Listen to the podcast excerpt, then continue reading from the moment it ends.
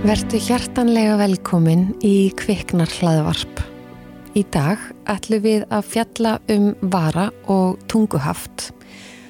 Ég á mjög erfið að sögu af brjóstakjöf með báðadrengina mína af mismunandi ástæðum og ég leitaði á sínum tíma til matur og munnur sem er komin hingað í dag, hún Sonja og talaði líka mikið við hana Kolbrúnu sem er móðir sem að lendi mitt mjög illa í því út af miklu tunguhafti hjá barninu sínu og áhrif þess á næringubassins og brjóstakjöfina og allt saman í marga, marga mánuði.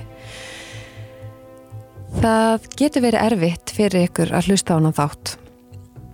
Þetta er bara, þetta er bara stór mál og það eru margar skipta skoðanur um þetta en ég held að, eða ég veit að það sem skiptir máli er að taka mark á sögum maðura sem að þessu snúa.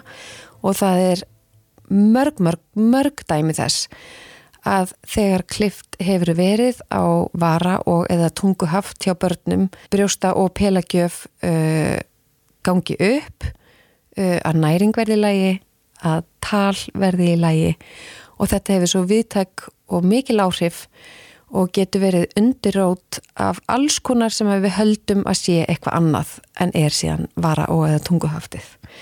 Ég, veist, ég er ótrúlega spenntalega ykkur að hlusta á hann þátt.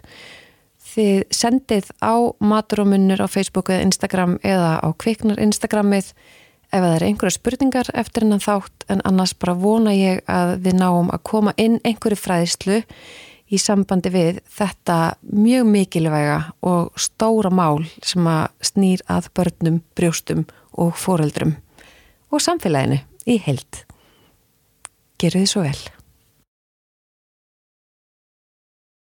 Velkomnar stelpur. Takk. Takk Kolbrún, mamma með reynslu og heldur betur og, og Sonja, þú ert með Facebook og Instagram sem heitir Matur og Munnur og ert talmennafræðingur. Það passar.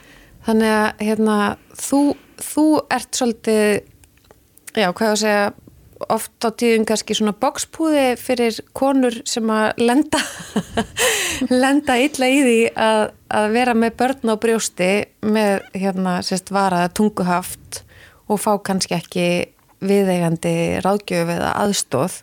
Allan að vara þannig í mínu tilfelli. Ég leitaði sérst til þín mm -hmm þegar ég var með hérna, varma á brjósti og held að hann væri með hérna, sérst, varhaft sem hann síðan og var. Þú mæri þess að bjargaði mér og komst heim til mín þó þú búur að Akureyri. Já, ég vildi svo vel til að ég var akkurat í stötti bæni. Já, þannig að hérna, en ég mitt mætti uh, svolítið skilningsleisi á spítalanum þegar ég síðan fór meðan þanga og, og nei, nei, nei og eitthvað. Mm -hmm og þurfti alveg að berjast svolítið fyrir því og leita til meismöndi lækna og þess vegna með síðan fóru við að tala saman uh, vegna, Kolbrún vegna þess að þú Já, ég var alveg inn á spítala og þá var ég að senda skilabóða þig að því að ég vissi að þú hefði lett í einhverju sveipið já.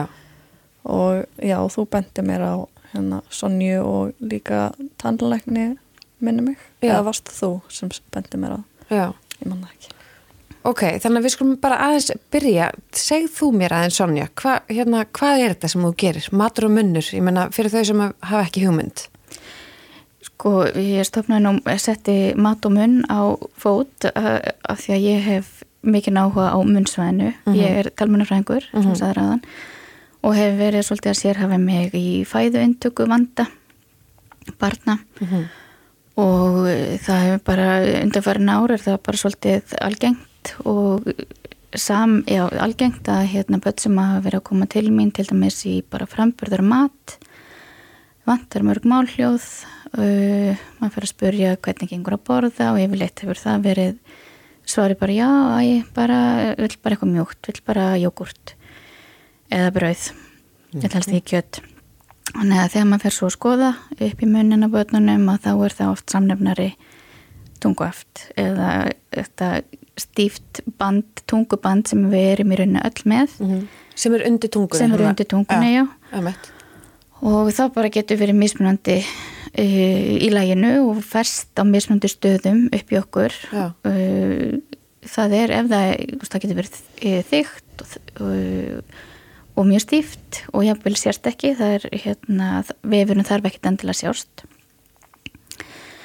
en já, þetta hefur sem sé verið samnefnir þannig að ég fór að bara skoða þetta betur uh -huh. og var svolítið djúpt á þetta og fór sótið með lansa ráðstöfnu uh -huh. 2018 í, í Toronto í Kanada sem var bara einn besta ráðstöfna sem ég hef sótt af því að þetta, hún var engangum tunguhaft og þarna voru einstaklingar sem að læknar, talmennafræðingar, brjóstakefur ágjafar Þarna voru einstaklingar sem að, að bara voru svipa þengjandi mm -hmm. að tala um áhrif tunguhafta og varahafta mm -hmm. og svona í framhaldi að þá já, stofnaði þennan miðil og fór þá bara að, að deila þekkingum minni já.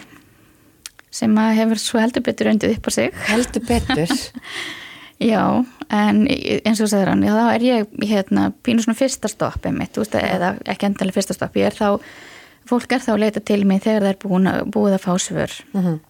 að, nei, tunguhefti hefur engin áhrif, til dæmis eins og brjóstakjöf, mm -hmm.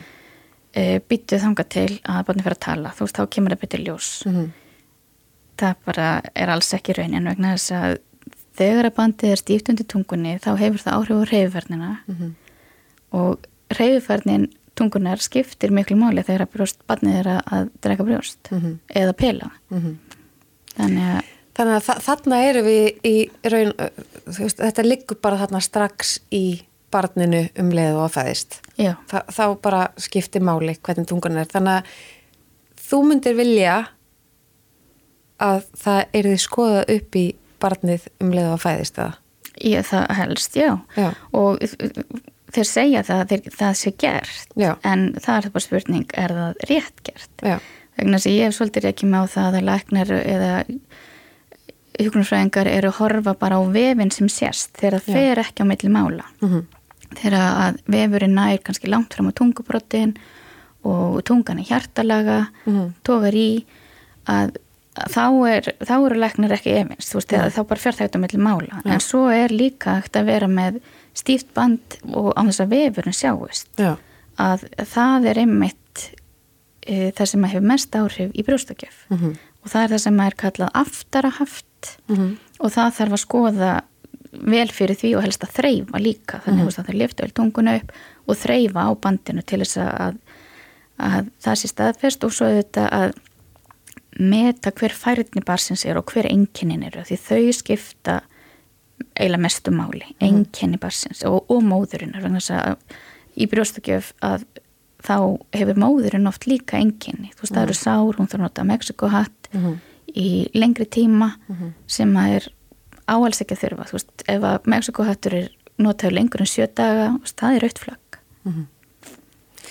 Já, ég held að það verði alveg margar konur smá uh, mm -hmm. þú veist, að bara heyra svona rétt upphafið á þessu en, en þetta er sem sagt raunverulegt uh, vandamál við brjóstakjöf að barnið, getur líka varahaftið haft áhrif? Já Já, það getur haft áhrif að því leytunum til að þegar að, að, að bandið er þá stíft til ja. vörinni að, mm. að þá heldur þá vörinni niðri og vörin er ekki að brettast yfir brjóstið Emme. eða pelan eins og ættir hún að gera til Emme. þess að innsikla loftið þannig ef bandið er ofta að detta af missið takið, gleipur þá mikið loft mm. og sem að kemur það jáfnvel út í svona bakflæg líkum enginum mm -hmm. þannig að Já, þetta, er sko hérna við höldum að því er alltaf að, að, að, það er alltaf að tala um við, við erum bara fullkominn þegar við fæðumst skilur. Og svo eigum við bara einhvern veginn að skrýða upp að brjóstið og mm -hmm. sjú okkur á skilur. Og þetta er það mest náttúrulega og blati bla. Og þú veist, já, í mörgum tilfellum er það bara þannig. En svo bara eins og með svo margt annað, við fæðumst bara öll mismunandi og einhver starf á leðinni hefur bara fullt á okkur orðið til með alls konar munna mm -hmm, Nákvæmlega og þetta er eitthvað sem að, hérna, gerist í móðukviði Já, barnið það er að fara að kingja það byrjar að kingja í rauninni á 20. viku Mhm. og ef að tungan er ekki reyfverðin er skert, þá strax Mhm. að þá eðlilega er barnið vant því að nota tunguna ekki eins og, eins og það á að gera. Já, einmitt. Bara þegar það fæðist og þá náttúrulega Ok, nefndu mér þá, bara svona þær, sem eru núna að velta fyrir sér, ok, byttu, byttu, byttu, uh, varandi brjóstakjöna og mér finnst náttúrulega, ég veit að verður kannski erfitt fyrir einhverju konu sem eru búnar að eiga brjóstakjöf sem það er langaði til þess að, að vera með barnið sitt á brjósti og það gekk ekki upp. Að það getur mögulega verið að það, ti- þær tikki í eitthvað af þessum bóksum og það verður sárt að því að mögulega hefur þær geta fengið hjálp og það, það, þú veist, ég bara hveti ykkur til þess að hafa samband við okkur, eitthvað okkur þrem ef eitthvað langar að tala um þær tilfinningar. En, en þetta er eitthvað sem að við erum vilja samt þurfum að tala um fyrir þær sem eru með núna á brjósti og eiga eftir að vera með á brjósti til þess að bara vera meðvitaðar um það sem er í gangi. En, já hva, hver eru enkenni mögulegs varaði að tunguhafts í sambandi við brjóstakjöf? Um, barnið getur verið mjög pyrrað uh, það er uh, grætur mikið, sefur lítið uh, pyrrað á brjóstinu nær ekki góðu takja, sífælt að detta af það heyrast smellir uh, það ælir mikið. Móðurinn getur verið með sár stíplur leikur svona munnveikinu líka. Leikur um ennökinu að því að barnin er þá ekki að, að e, góð innsikli um, sógblöðurur eru algengar að sjá. Það e, segir mér að, að hérna, tungan er ekki tungan er erfiða eða varirnar er erfiða meira heldur en það ættir einn að gera. Já, sáblöður á tungu bassans Nei, á sógblöður sem sjá varirnar. Já, já, svona hvítara var já, það, já, þegar að, að hérna e, já, það verða svona hvítar, blikar tvílitar um, gómurinn er oft hár og kveldur. Og það er náttúrulega ekkert að þetta gerir því?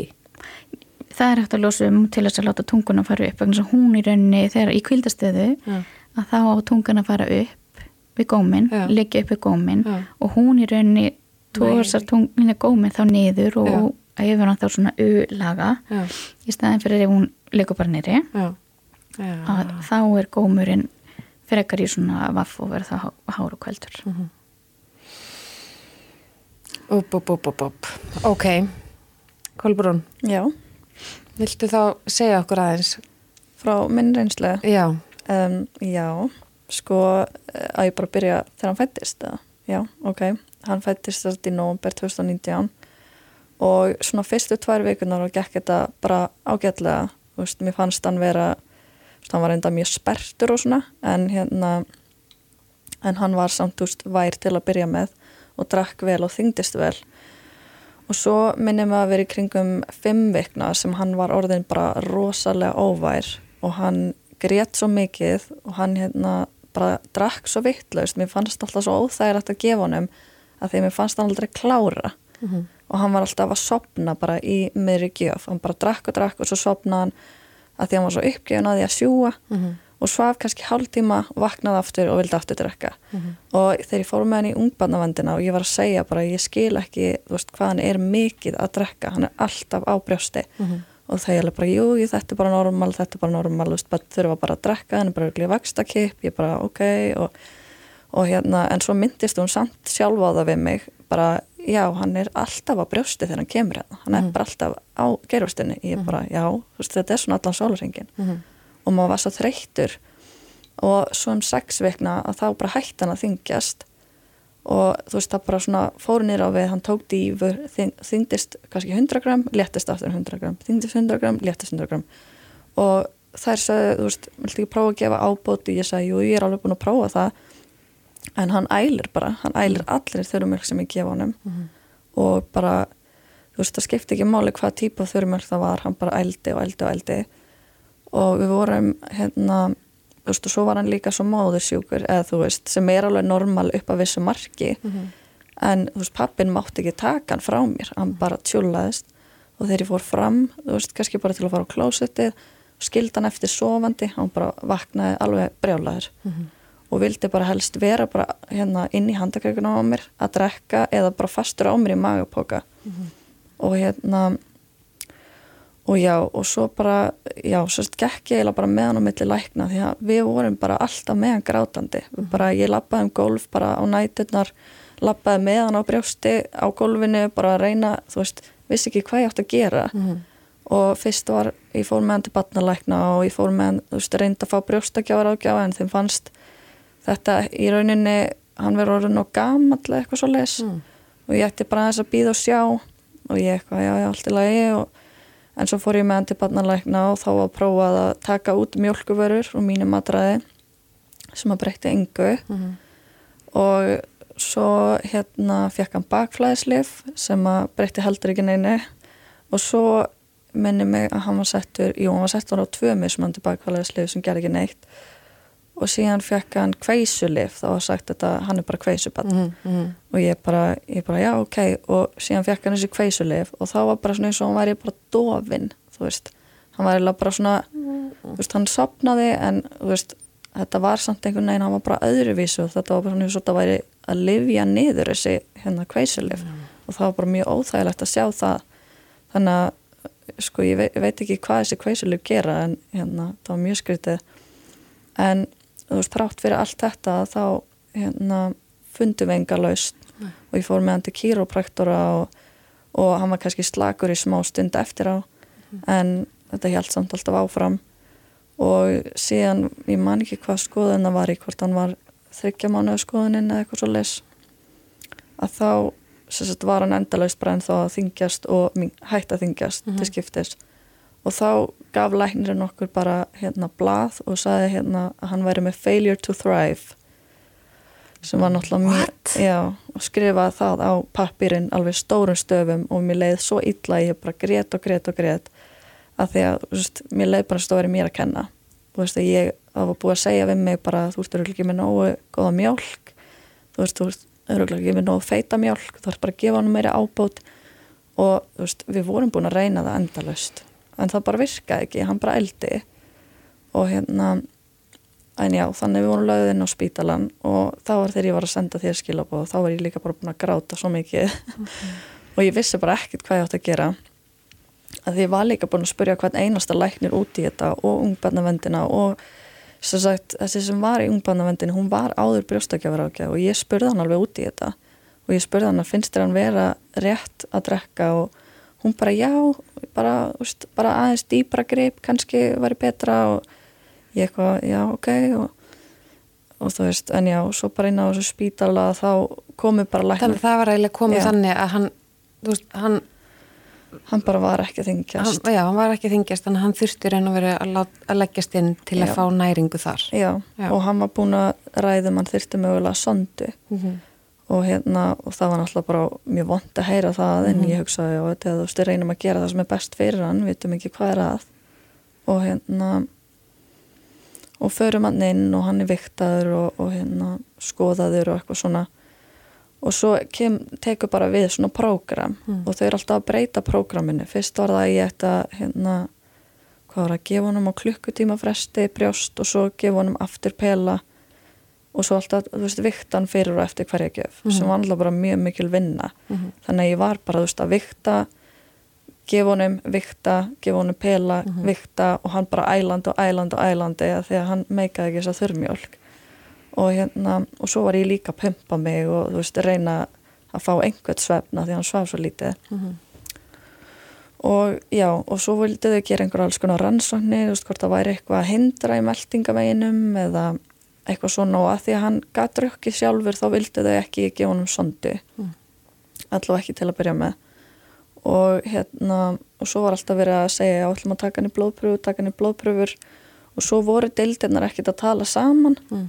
þannig að það varði aldrei neitt úr þessum blóðpröfum ég man ekki hvort þau tóku kannski eina blóðpröfu af, þú veist, fimm eða sex sem þau ætlaðu að taka, þau ætlaðu að taka ofnæmispröfur og eitthvað líka, Mm. en það gerist ekki og hérna og ég baði um brjóstakjafa ráðgjafa og það kom aldrei neitt og, og hérna en það var ein hjúgrunarkona sem að talaði við mig sem að var búin að vinna upp á vöku. Og hún kom með svona spítalapömpu fyrir mig og var eitthvað svona að reyna að ræða við mig um þetta. Og ég spurði hann úti þú veist þessi höft líka. Og hún, hún var svona eina sem var eitthvað já það gæti alveg verið. Það gæti alveg verið að spila inn í en allir henni voru bara nei þetta er bara þín mjölk þetta er bara, bara að fá meiri ábót eða eitthvað en við þurfum bara að skoða magan á hann hann er auðvitað bara með ólítinn maga eða og þröngan enda þar með eitthvað svona. Þannig að hérna svo fór hann í áttan að fara í svona skuggamyndatöku og þá var sett upp þessi sonda og þá var sett svona dökkur vögvi einhvern veginn sem að sérst á í skuggamyndatökunni og hann þurfti að vera fastandi. Og svo var frestað hérna um klukkutíma minni mig og hann bara alveg að störtlast, hann bara grét og grét. Og þetta var svo erfitt. Og ég lappaði með hann um gangin bara býða eftir þessari myndatöku sem þurfti að gera hann að tvísvar og það sást ekkert sem hann var að hindra. Og svo þegar hann var búin að ná að þingjast um henni með 200 gram og þá voru við bara sendið heim. Og þá var sagt, þú veist, einmitt bara haldið bara áfram að gera það sem hann búin að vera að gera. Bara gefa hann brjóst, svo gefa hann pela gefa hann brjóst, svo gefa hann pela og Já. Já, og reyndur svo bara að lifi þetta af hérna, en við ætlum ekki að hjálpa þér að gera það Já. og var þeir á einhverjum tímbúndi bara spurg hvernig þið liði eða? Sko það var prestur sem kom Já. og hún var eina sem að síndi einhverja hérna, einhvern áhuga á því hvernig mér leið sko mm -hmm. og ég kunna alveg að meta það mm -hmm. en, en allir hinn er læknarnir sem að komi þú veist fram og tilbaka þau töluðu bara við mig eins og ég væri bara þú veist, sjálf bara móðursjúk eða eitthvað sko og því ég var náttúrulega alltaf grátandi. Það er bara viðkvæmur tími. Já, Já mm. fyrir utan þú ert náttúrulega ekki bara búin að fá það einhvern eh, sko, stimpil sem að þú sést að gera eitthvað mm. rámt, heldur er einhvern veginn ekkert utanumhald eða verið að hlusta nýja hlúa að þér. Nei. og líka bara að fá þetta hérna, failure to thrive, thrive mm -hmm. uh, bara að þessi setning sé, sé sínd þér. -hmm og svo bara hvað, ertu sendt út og átt að kera sjálfna á spítala? Ég meina það, það getur engin móðir eða foreldri þólað að fá svona í andletið á þess að það sé tekið utanum þið sko. Nei. Já, ha? það var mjög vond Þú ert náttúrulega, ok, þú ert, uh, þú veist, ég vona að þín saga sé undantekningar Já, tilfelli. Mm -hmm. uh, þú ert að væntalegja, en ég vona þessi ekki mörgatnúti sem að Nei, hafi gengið gegn svona langt. Mm -hmm. En mörga þess, þessum atriðum sem þú ert að lýsa er einmitt það sem að, ég menna, þú Sonja, færð marga fyrirspyrnir og fóldra með akkurat svona upplifanir. Mm.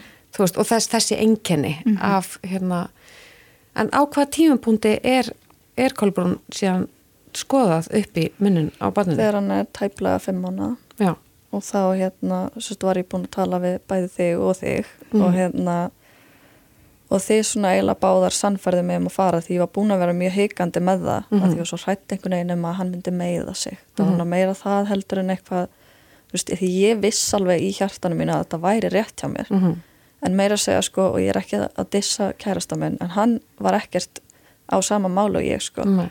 og við með sér sagði áður en ég fór í tíman hérna hjá Halli að þá sagði ég hversu mikið veði eru að þetta sé rétt hjá mér? Mm -hmm. og hann bara ég held að þetta sé ekki rétt hjá þér. Og ég eitthvað ok.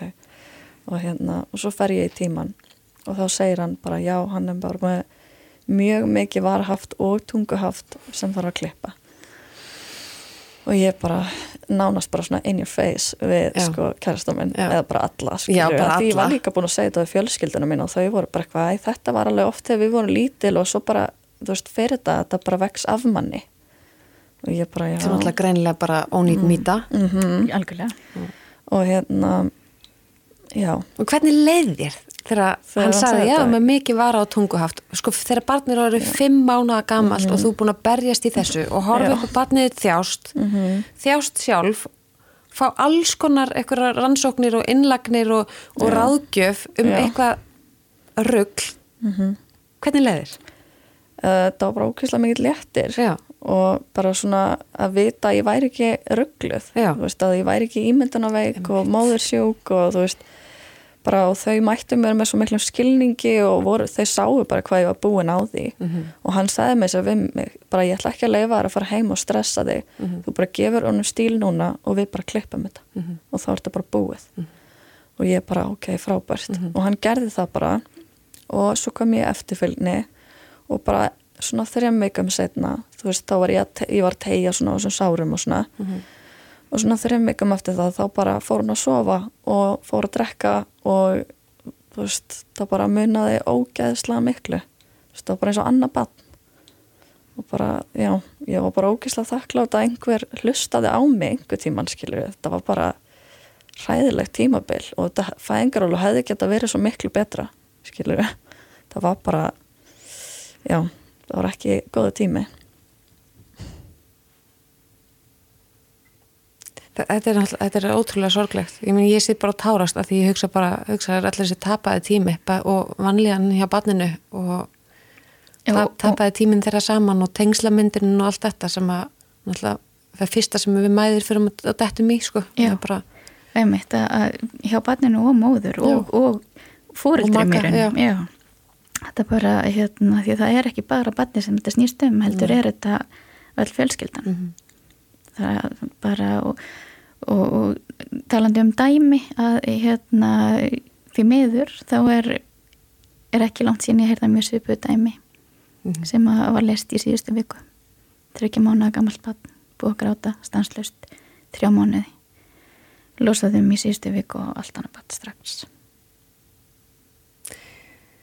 Það er já, þetta er alveg þetta er ótrúlegt að, að þetta litla band þannig undir tungunni Já. geti haft svona mikil áhrif Mhm.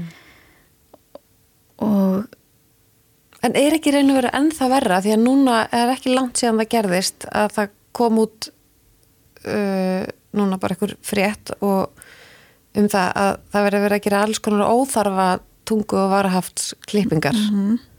uh, hva, veist, hvað er, hvað er málið? Já, ég held að það sé bara þekkingalýsi hjá Já. þeim sem að taka þess ákvörðin Mhm. og e, ég veit til dæmis og e, tannlæknar að e, ég hef verið að vísa til tannlækna Mhm. af því mér finnst það einhvern veginn eðlilegt að þeir eru að vinna með munnhólið og þetta er partur af því Mhm. en hérna þeir eru búin að vera í, í samringaviðræðum við sjúkratryggingar og eðlilega undarfarið hefur þessum aðgerðum fjölgað og það er eitthvað sem að sjúkratryggingar eru greinilega að setja út á Já. að þarna er gjaldliður sem er allt í enn orðin tölvert hærri heldur en hefur verið Já, af því að fræðislan er meiri og við fóreldrar eru farin að tala Já. saman um að þetta geti actually verið vandamál. vitunda vakningin, hún er bara orðin miklu meiri Já, það, það kemur sér ekki alveg nú vel fyrir kerfið, sko. Nei, nákvæmlega, en, en það sem að mér finnst náttúrulega vera já, þetta er náttúrulega vanþekking hjá, hjá sérfræðingunum. Þú veist að, einmitt, að, að móður sem kemur með batni sitt að því að það er ekki að nærast, tekur ekki brjóst. Nei, þetta getur ekki verið tungaf það hefur ekki áhrif á brjóstakjöf mm býttu þanga til að það fyrir að tala. Þá sjáum við til. Þú veist að e, mér finnst það hérna Þetta er bara óásættanlegt. Já, algjörlega. En þeir hafa, hálsna virnalegnar hafa alveg verið að gera þetta og þeir eru þá gerðan að nýta aðgerðir eins og þegar þeir eru að setja röri að taka hálskirtla eða nefnkirtla Mhm. að þá nýta þeir svæfinguna til þess að gera þetta. Mhm. En, en svo er það líka að að það best væri að fóreldrar og börn fái ákveðin undibúning Mhm. og eftirfylgni og það er eitthvað sem að hefur vantað eins og til dæmis í hálsna virðanleiknum það er ekki eftirfylgni Nei. og hugsanlega eru þeir já, ekki eins viljur að gera þetta af því að þeir fá ekki að vita eftir á hvernig þessi aðgerð tókst eða hvaða ávinningur varð af henni Mhm. ég, ég ímynda mér það, ég vil ímynda mér það að það sé kannski eitthvað svoleiðis Mhm. en og sem betur fyrir eru hérna það hafa ekki margar rannsóknir verið gerðar hinga til en þeim er að fjölga af því að, að læknar og fólk er að verða meðvitaður um þetta Mhm. og hinga til hefur þetta líka verið um, er skip, hafa verið skipta skoðanir á þessu en dæmin eru bara eru bara aðna Þau eru bara raunverulega. þau eru bara raunveruleg mm. ég, ég get ekki nefnt þér neitt dæmi þar sem að það verður ekki orðið neitt ávinningur Nei. bat, stálpa bat sem er að koma til mín og vantar er fyrir að losa um fara að losa um tungubandið og þú veist það getur sagt er í næsta tíma það er náttúrulega hérna, mjög góður árangur og ekki alltaf sem það gerist. En reyfiferðin er bara komin og batning getur þá nota tungunum til þess að mynda hljóði Já, emitt En f- fór, fór hann aftur á brjóst? Já, Já, hann, ég var mjög heppin sko því ég hef alveg heyrt að þetta bara gengur yfirleitt ekki hérna ef það er íhluta svona seint. Mhm, en hann held áfram til nýju mánuða en hann var samt alltaf að fá veist, auka ábóta því að ég náði aldrei aftur upp eins mikill mjólk eftir spítalavistina mhm, Þú veist, þetta var bara ómikið streyta mhm. En jú, ég var alltaf mjög heppin að en svo þegar hann var nýju mánuða þá var hann bara hinn enn sig lengur. Búið að vera ómikil vinna. Já, emitt Bara nú ætla ég að skilja við þig hérna brjóstinn þín En, en og, hver, hvern, og síðan bara þ- þrifist og dafnað já, bara allt eftir já, ég mitt sendi henni mynd af honum hérna eftir hann þyngdist rosalega mikið eftir þetta. Já, og hérna þann bara bætti svakalega á sig sko. Og það er alveg sumir sem myndir segja og það er bara út af þurrmjölkinni eða eitthvað. Mhm, sem að, en mér finnst það ekki þetta því ég var líka að gefa honum þurrmjölk áður en þetta var klift og hann var ekki að þingjast hana mhm. Og hérna, En hætt hann, hætt hann að æla líka það? já, hann hætti að En þú veist bara Nei, ég fæ ég, Já, það er svo marga tilfinningar sem brjótast um inn í mér. Já, hann var sko að æla sér svona áttasinnum á dag. Ég var að skipta á- um öruglega um átta samfellur og fött á honum á, s- á hverjum degi þú veist út af þessum ælum sem komi og hérna og já, svo bara einhvern veginn var bara eins og hefði verið skrúa fyrir krana sko, Mhm. Bara hætti hann að æla svona og það, það kom meira svona eins og bara eins og þetta venjulega ungbarna Já. svona smá eitthvað svona pínuslef Já, en áður var þetta bara gusur sko. Mhm. Þú veist, þetta var bara svona, stundum eins og exorcist ælir sko. Mhm. það var bara, En þér Já. leið alltaf eins og hann væri í raun og veru ekki að taka brjóstið og djúft já, eða fast. já, og svo var Já. hann alltaf að hérna detta af Já. þurfti alveg að vera alltaf með kotta alveg undir hausnum á honum Mhm. eða halda honum alveg upp við sko. Já. Og hérna, og svo lag alltaf svo mikið út úr honum líka bara aftur niður Mhm. og hérna og ég vissi reyndar ekki á þessu smell en þú veist um leið og einhver sagði mig frá þessu smell þá fór ég alveg, já, þetta Já. það er þetta hljóð sem var alltaf. Þú veist, alltaf þessi smellur og hérna og bara já, í rauninni hann let mig fá sko hallur svona lista Mhm. og ég held hann að við tikkað í hvert einasta bóksalistan Mhm. um sérst enkenni á þessum höftum Mhm. Þannig að Hallur tannleiknir er sá sem að hjálpaði þér. já, þið er náttúrulega bara allir sem að þið líka skilur Já, þið já, hjálpaði en mér ég meina með, já, með aðgerðinni já, að kli- klifta á. já, En- Hallur og Petra já, Hallur og Petra. já, konan hans Já, ok. hún vinnur þannig líka Já. Eru fleiri sem að þú til dæmis þeirra fóreldrar Sonja hafa samband við þig? Eru fleiri sem þú bendir á? Sem að við myndum vilja bara fyrir það sem er að hlusta og hugsa bara nú vil ég, nei. Sko, það eru hérna tveir tannlagnar sem að ég hef verið í sambandi við. Mhm. annar er á Akureyri og hinn er Hallur. Mm og ég veit að þau hafa sótt sér aukna þekkingu eða eh, meiri fræðslu varðandi þetta. -hmm. um, en svo eins og segi, ég veit að það eru fleira eins og hálsna verðanleiknir læknar, þeir eru að gera þetta en þú veist, ég vísa ekki á þá því að ég ég vil að þessi þekking sé þarna bakvið og hvað liggur að, að sá sem Og líka gleypir. þessi eftirfylgni, eins og Já. Hallur, hann lætur þið koma síðan aftur já, og já, og og hann gefur þér heimaverkefni með æfingar Já, sem hann þarf að gera með barninu. já, Ég til dæmis náttúrulega fór með varma í hjálpsna yrnalegnis en það var ekki látin Nei, það, og það er eitthvað sem að vantar, vantar upp á fræðsluna í rauninni af því að, að eins og ég talaði um áðan að það þyrft að vera ákveðin undibúningur bara Mhm. þannig eins og til dæmis með unga batnið að, að venja það við að puttin fari upp í munnin Mhm. að, að því það þarf að gera liftur Mhm. um, og svo eftir á og þá er batni vant því að þú farir upp í það Mhm. að það þarf að viðhalda þessum liftum af því að þegar að það er klift að þá er sárið skilið eftir opið Mhm. og er svona tígull Mhm. sem við viljum tegja á Mhm. og passa það að hann falli þá ekki saman þannig að ávinningurinn að það, að það verði á, á, við viljum fá tegjuna Mhm, til þess að ávinningurinn verði sem mestur Mhm. og hérna svo, ég er alltaf, mér veist ég alltaf verið að læra eitthvað nýtt varðandi þetta Mhm. og það er eitthvað sem að, veist, ég fræti þig ekki um þetta til dæmis Nei. með tegjurnar Já. eða hérna með undirbúningin og, og þess að það sko Mhm. þannig að maður er alltaf að, að segja, alltaf að bæta við með Já. og alltaf að læra eitthvað nýtt það er alltaf eitthvað En er ekki erfitt að díla við þetta daglega að fá einhvern veginn til sín fólk sem að er þú veist, einhvern veginn tí, smá tínt Já. í þessu og fá ekki viðeigandi aðstóð Þa, það er mjög erfitt að, að geta ekki vísa þeim áfram til þess að fá íhlutun. Þa, það er mjög erfitt af því að þú veist, maður veit að, að þetta, þarf ekki mikið. Næ, og að, að fóröldrarnir er að halda áfram að ganga vekk einmitt, það er erfitt. Einmitt. En sko það, það er náttúrulega, það, það þarf samt að útiloka, bara svo það sé á hreinu að þetta er ekkert endilega ástæða fyrir öllum þessum engjannum Sum börn eru kannski með munnin alveg í lægi en eru samt einmitt grátandi eða ælandi. Já. og það á við þessi kveisa eða, eða bakflæði eða, þetta. Þannig, já, þannig að eðlilega, Já. einmitt mjölkur, ónami og, og þetta. Eðlilega þarf, er þetta hluti sem þarf að kanna. Já. En síðan bara gleymist þetta eða það er ekki tekið marka á þessu. Og, og, en þetta er oft líka kannski í tilfinningunni hjá mömmunni eins og þú Kolbrún upplýðir. Já, en ég held að það sé bara því að átti náttúrulega aðra brjóstakjöfa baki Já. og svo veit maður ekkert hvernig það er fyrir mömmur sem er að gera þetta í fyrsta skipti það er Einmitt. þekk ekki munin Næ, þannig að kannski mjög oft er þær að lendi í þessu að gjöfin gengur ekkert upp einmitt. og þær veit ekkert af hverju. Næ, og svo er, oft, er þetta ástæðan sko. og ég var alveg bent nokkur um vinkona mínum á að þetta gæti verið. Ég með sendi vinkona mína til hennar. Mhm, og ég hafði rétt fyrir mér.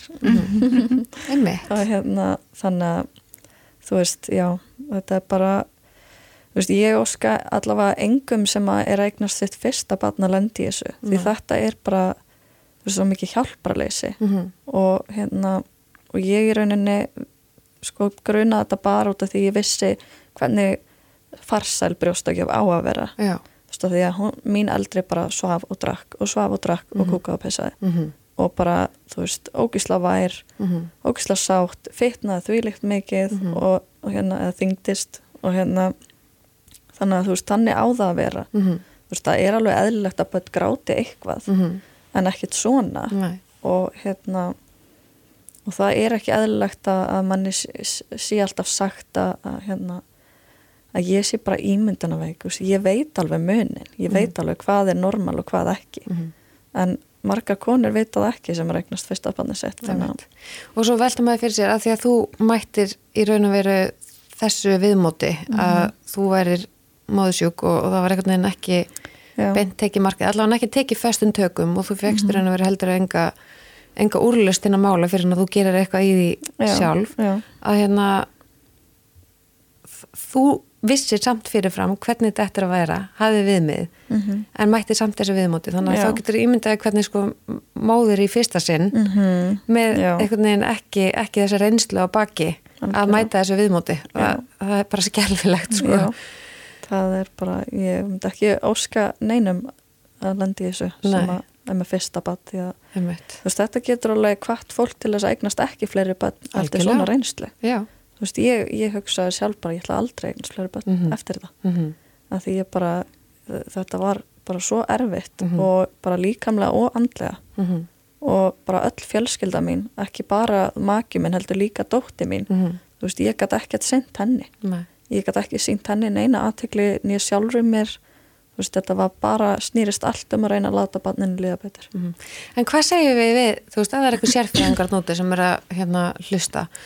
Og, og við erum bara búin að koma með skýrt dæmi hérna um það, hún bara leitaði allara leiða og fekk hjálp allara sem að mögulega gátu í fimm mánuði og svo var klift á vara á tunguhaft. Já. og barnið byrjaði að nærast og hætti að æla og fór að sofa. Mm Uh, ef þeir segja, já nei þetta er bara tilvílun. Sko það sem ég vil segja er það að ef að þú ert ekki viss Mm -hmm. vísaðu á þann sem að getur gefið svar Já, vísaðu á þann sem að hefur vitneskuna já, og því að við vorum að hérna, tala um aðeins það skiptir ósum miklu máli að meta einmitt út frá enginum mm og það skiptir líka máli að meta færni -hmm. barsins Mm -hmm. Til þess að, að staðfesta eða útiloka hvort að þetta sé raunverulegt haft Mhm. sem er að hafa áhrif Mhm. en já, ég klárlega segi það við sérfræðingarna vísiði áfram á þann sem að veit Mhm. og getur metið Mhm.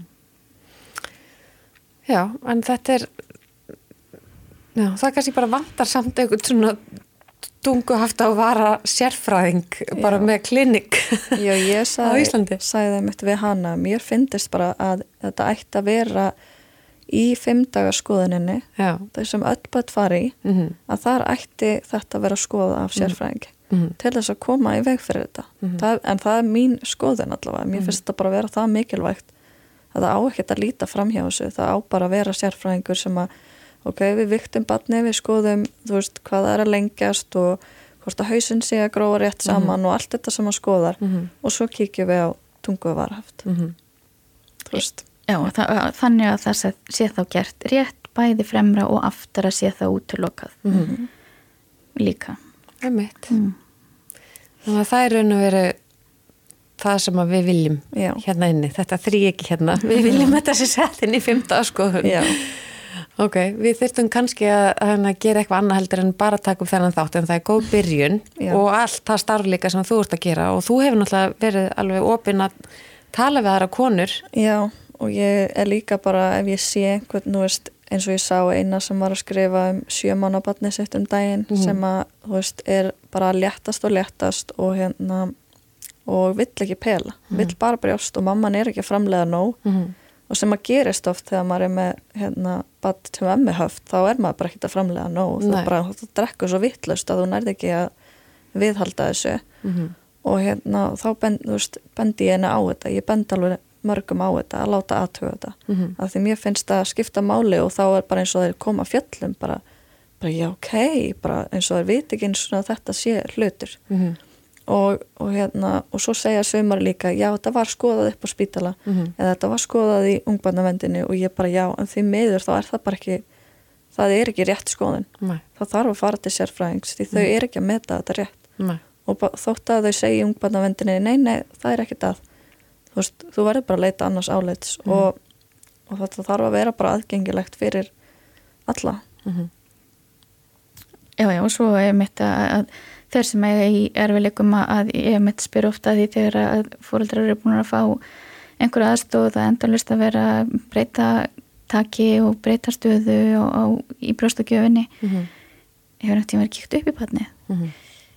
þá er það oft, þú veist, nei, það er bara hefur ekki verið En eins og, þú veist, brjósta gjafir ágæðar mm -hmm. eru þær ekki að Það eru að gera þetta núna í auknum mæli já, Ég hérna var með erindi fyrir þær á síðast ári, nógumbur síðast ári mhm, og ég veit að það eru allavega nokkrar þar sem að, að fóru alveg að skoða þetta Mhm. alveglega og, og, og frættust og, er að skoða fyrir þessu og Mhm. vísa áfram á rétta á íhlutunarðaðila. ok, frábært Þannig að það er, er vitnesken er að vera meiri og, Já. Og hérna ástæðan fyrir því að ég er í Reykjavík í dag er svo ég er að fara á brjóstakjafa ráðstöfnu, Mhm. það er norrann brjóstakjafa ráðstöfna Gekkjaf, var núna 15. á fösta þannig að hérna, og ég verð með erindi að tala tungu öft frábært þannig að hérna og þar verða vonandi einhverjir sem að, að grípa þetta og, og vilja þá afla sér frekari upplýsinga Já, til þess að, að við höfum þá fleiri íhlutunaræðila mhm. Af því að það skal líka tekið gott að henda þið inn hérna í þessum þætti ef einhver þarf að heyra það að það er hægt að fá sérst brjóstagjafar ágjafa uh, ekki fyrstu tvær vikunar já, innan fyrstu tveggja vikna já ókepis Mhm. eftir það þarfst að borgarni fyrir að koma Já. heim. Þannig að þú veist, ég veit að það eru sko og fáar. Uh, það þarf fleiri brjóstakjaðar ágjafa ef það er einhverju ljósmaður að núti bara please, hérna, takk ég þetta nám og það er alveg, eftirspurnin er alveg, alveg ótrúlega mikil. Um, en hérna en, en ef þú finnur bara í raun og veru strax þessar fyrstu daga uh, eitthvað svona eins og þið líði eins og þetta er eftir að ganga eitthvað undirlega bara pantaði brjóstakjaðar finnst það betra heldur en ekki að fá hana þarna innan þess að tekja veikna. Svo er þetta bara líka sérstaklega í fyrsta sinn, þetta er bara ótrúlega mikil vinna og mikil álag og erfitt uh, þó að það sé ekki varað tunguhaft. já. já. Skilurðu? Já. það fæðist líka bara ekki þú veist, maður veit ekkert hvað maður er að gera endilega með fyrsta bann Nei. það er maður er ekkert eitthvað fættur til þess að gefa brjóst Nei. maður þarf að læra það Emmitt, og svo hef ég stundum líka heyrt konur sko og þarna erum við náttúrulega alltaf að tala út frá konur sem vilja vera með börni sinum brjósti en það er að tala um já, þetta var bara gekk svo illa þarna í, þú veist, tvær, fjórar vikur og hérna það var svo erfitt og eitthvað svona. Já, en þetta er bara rosalega erfitt fyrst, ég meina þ- ég var með þrjá stelpuna mínar á brjósti uh, í 8 og 9 mánuði. En það tekur alveg sko tvo allavega hana að koma jafnvægi á frambúða eftirspurn. Já, skilur, og, og það er greinlega með alla með tungu og varahaft í lægi vegna þess að ég bara sé með, með strákana mína greinlega eitthvað annað í gangi þar Já. vegna þess að ég fann ekki þessa tilfinningu eins og með stelpunar að vera bara svona já, og koma á mig eins og sokkskál og síðan fann ég bara einhvern veginn að vera að drekka innan úr sko bara einstu kirtlónum mínum leiku við, Já. skilur og stundu þurfti að íta með bara svona rétt til þess að og svona vú, lo, og þau bara svona gleftið í sig skilur þannig að það er einhvern veginn tilfinningin held ég sem að.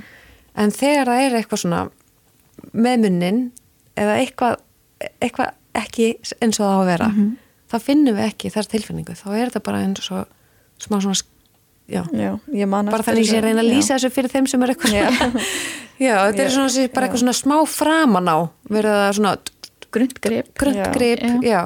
Er ekki svona að taka einhvern veginn allan, allan næringuna svona í sig. Nei, og ég fekk líka oft stíplur já, alveg nokkru sinnum og það var mjög oft bara ég að við ég fengi sýkingu, ég var fjólublá einu sinni yfir allt hægra brjósti. Já, Og hjá mér þá þurfti ég að fara sko í brennandi heitt bað með handpömpu til að ná einhverjum. Og handmjölka já, já. og nutta nútana og, ég hef verið með olíu og alls konar sko. akkurat já, en ég er einmitt í man ógislega vel eftir þessar tilfinningu með fyrsta barni sem þú talar um, þú veist, maður fann alveg streymi koma Mhm. og svo fann ég með þess að svona, það kom alltaf svona stingur þegar Mhm. hérna þegar þau voru eiginlega búin að klára sem var að segja nú þarf að framlega meira já, en það, ég fann þetta aldrei með hennar strákja minn Nei. það var ekki þessi tilfinning og mér fannst hann aldrei tæma mig Nei. mér fannst alltaf vera eitthvað eftir eða, eða ég var, þú veist já, bara að reyna einhvern veginn að fá hann til að klára þetta en, Mhm. en hann bara sopnaði, bara Ja. Gæti ekki meira Nei. er, er það ekki þá bara líka enginni svona, þú veist, þau bara vera þreytt Já, þau eru bara að vinna mikið. Mhm. Það er bara, þetta er á verfitt fyrir þau. Það er bara sopnaði. og það eitt og sér er bara ótrúlega sorglegt Mm ef maður hugsa um það, þau eru veginn bara að að hamast við að ná mm mjölk úr brjóstanum hjá mömmu og þau verða bara svo þreytt já. þau séu ekki búin að fá fyllið sína En svo heyrir maður að hann er bara latur að drekka. já, En þú veist, það er ekki raunin. Það er eitthvað undirleikjandi. Bönn er ekki löt að drekka. Nei. Það er bara svo les. Úf, ég held að þetta geti bæði verið mjög erfitt að hlusta á þennan þátt fyrir marga Já. konur en líka mjög frelsandi þetta Já. getur líka verið eitthvað svona ákveði uppgjör hjá og, og náttúrulega líka bara ef að batnið er orðið það stálpa hættabrjóstu, pela veist, og það, það er eitthvað neginn að þá verða kannski önnur mál eins og þú talar um í tali og, og náttúrulega bara fæði undir á mat Já, sem að þannig að ef þú ert í þeirri stöðu í dag að vera að hlusta á þetta að, að endilega láta skoða upp í barnið vegna þess að uh, það er náttúrulega því fyrir sem þú klippir því betra, eða ekki jú, það er það. Er það. og, og þá er það líka eins og með bara fyrir barnið og að finna til eða hvernig, hver, hver er staðan á því Í, bara að losa um því fyrir því betra því þá nær tungan réttri stöðu og hreyfifærnin er, er til staðar til þess að taka á móti því sem framöndan er, fæðunni og, og svo myndun málhljóðana já, og svo náttúrulega að, talandi um sko, hlutverk tungunar, ég menna það skiptir máli að, að við kingjum rétt og, og hérna því við notum hana svo í fæðinni, já, í fæðintöku einmitt en þú veist, meða bætt sér meira eftir því sem er eldri að láta klippa er náttúrulega eftir því sem við verði eldri að þá, ég, hérna, náttúrulega það er angurt þá svæfing mm -hmm. eða þá að þú það er bara sett deyfikrem eða mm. kæruleysisliv Mhm. og auðvitað verða þau alltaf aum í munnbotninum Mhm. og svo er eftir, svo spurning hvort að þessi seti saumar eða sári skilja eftir opið Mhm. Þú við viljum þá líka að það séu gerðar ákveðnar æfingar eða reyfingar Mhm. til þess að, að þetta skilir sér Mhm. þannig að hérna já, það, það er alltaf eimsli Mhm. í einhverja dag og eftir Mhm. en ekki þannig að, að það, maður leggi það ekki á sig til þess að fá ávinningur já. já, einmitt elskurna mínar Ég er svo þakklátt fyrir að fá okkur að því að þetta er eitthvað sem að hérna, mæður og feður þurfa að heyra og vonandi einhverju sérfræðingar og vonandi verður þetta bara til þess að, eða, veist, að leggja í púkin á umræðinni sem að stækkar og stækkar í sambandi við þetta. Mm -hmm. og við náttúrulega mótmælum því algjörlega að þetta er að fara að snúast um peninga og, og hérna að sé verið mótmæla því að þetta sé einhverja óþara aðgjörð, þetta er bara það alls ekki og við erum ekki bara að hjálpa til við sko bara næringu bassins heldur andlega helsu fóreldra mm -hmm. og fjölskyldna og, og það er bara það er stór ávinningur hérna þannig að ég, ég er rosalega þakklátt fyrir bæði Kolbún og skildi vilja deila sögurninni, ég veit Já. þetta búið að vera rosalega erfitt og við Já. tölum mikið saman á þessum tíma mm -hmm. Og ég hef bara greitt með þér. Skilur, þetta bara, ég tengdi mjög við margt sem hún varst að gangi gegnum þó að Já. mitt hef ekki gengið jafn langt og hjá þér sko, að hérna þannig að ég er bara þakklátt fyrir að þú skildir seg, segja frá og, og, og Sonja, bara allt það sem þú ert að gera menn þú ert að vinna sem talmennifræðingur en þú ert í sjálfbúðastarfi að svara spurningum Já. á matur og munnur. Já, Já. Já það er þetta með hérna, að hjálpa öðrum. Þetta er eitthvað sem kemur frá hjartanu og séðan Já, það er Já, þú þekkir það. Já, já, já, já, við erum í þessu bara. Það, en þetta, þetta hérna þetta getur orðið til þess að það eru fleiri sem leita til þín, ég veit ekki hvað. Nei, nei, það er bara já, bara ég teka mótillum Þú ert að reyða þannig veg. Já, já. já, það er frábært að heyra. Þannig að þeim endilega hafa samband við og líka þeir kolbúrnu, að það er einhverja svona spurningar. Já, algjörlega. Hefur þú tekið saman eitthvað svona þegar nú vantarlega er þú banki af reynslusögum fóreldra sem að hafa er bara breytt lífi þeirra á barnana þeirra að fá þessa greiningu mm -hmm. og, og hjálp við þessu. Hefur eitthvað tekið þetta saman? Er hægt að er hægt að já, bara í raun og veru láta þetta fólk og allar þessar sögur þú veist, hafa eitthvað áhrif. Ég bótti þetta, ég menna það er hérna eins og sagðan, ég, ég hef bara góðarsögur af, af ílutun, það hef bara verið ávinningur. Já. þannig að, að Er einhver svona hópur á Facebook fóreldra uh, sem er hægt að skrási í og það er hérna ég sett á staðu stuðningssópum tunguvarahöft þannig að hérna þar eru þar eru alls konar fólk, þar eru fúrildrar, mhm. mæður mm. sem að hérna er þá kannski sérstaklega með unga börn og þannig eru einhverjir sérfræðingar, tannlagnar og, og læknar og talmennafræðingar okay. og stofnaðan af erlendri fyrirmynd þar sem mhm. að fólk getur þá sett inn spurningu og, og hérna, eða leita ráða mm -hmm. hjá þeim sem að hafa hugsanlega gengið í gegnum eða geta gefið Já. er, er sagt að frá sinni reynslu Frábært Svo er það náttúrulega líka brjóstangjafa spjallið Já. og ég hef alveg stundum verið að hérna, kommenta eða benda á eitthvað þar einn á milli Já En þannig að það, það er, ef þetta líka vekur upp að hlusta uh, fleiri spurningar hjá þér að þá að fara í þessa hópa. Og svo spurningum að þessi hópar líka takið sér saman og, og mótmæli, mm -hmm. þú veist, sendi inn beðnir og tali við sjúkardringar og eitthvað svona, það þarf oft bara fleiri. Já, Já. og það, ég veit að það voru einhverja maður sem sendu inn fyrirspurning bæður landlegni og, og sjúkartryggingar um, fengu mjög misvísandi svör sko, það er bent á hvort annað hvora, sko. já, bent hvora annan til að byrja með en mm -hmm. svo mhm. er þetta sem sé sjúkratryggingar sem að eru í að þeir tannleiknar eru í samninga viðræð með sjúkratryggingar já, að þá er þetta eitthvað hérna þannig að mögulega á eftir að leysast úr þessu já vonandi, þeir allavega framlengdu þetta í tvo mánuði þannig að þetta verður allavega niðugreitt út oktober mm -hmm. og vonandi bara sjá þér að það er þarf ásu þannig mhm. að, að hérna og hann verður þetta hangilað inni. Mm -hmm. En við heldum þessara umræða gangandi inn á kviknar og ég mm -hmm. hvet ykkur til þess að fylgja líka matur og munnur uh, á Facebook og Instagram. -hmm. ég hvet ykkur til þess að, hérna, að kíkja upp í munnin á börnunum ykkar. Og, og, og og nota bara hanska. Já, nota hanska. Já, þannig að takk æðislega fyrir að koma Takk fyrir að, að bjóða okkur. Já, það er bara frábært að fá okkur og ég vona svo innilega að þetta verði til þess að, að fleiri fóröldrar hérna fái hjálp sinna mála fyrir sig og börni sín Já. í sambandi við þetta aðri. Takk í dag. Takk. Takk.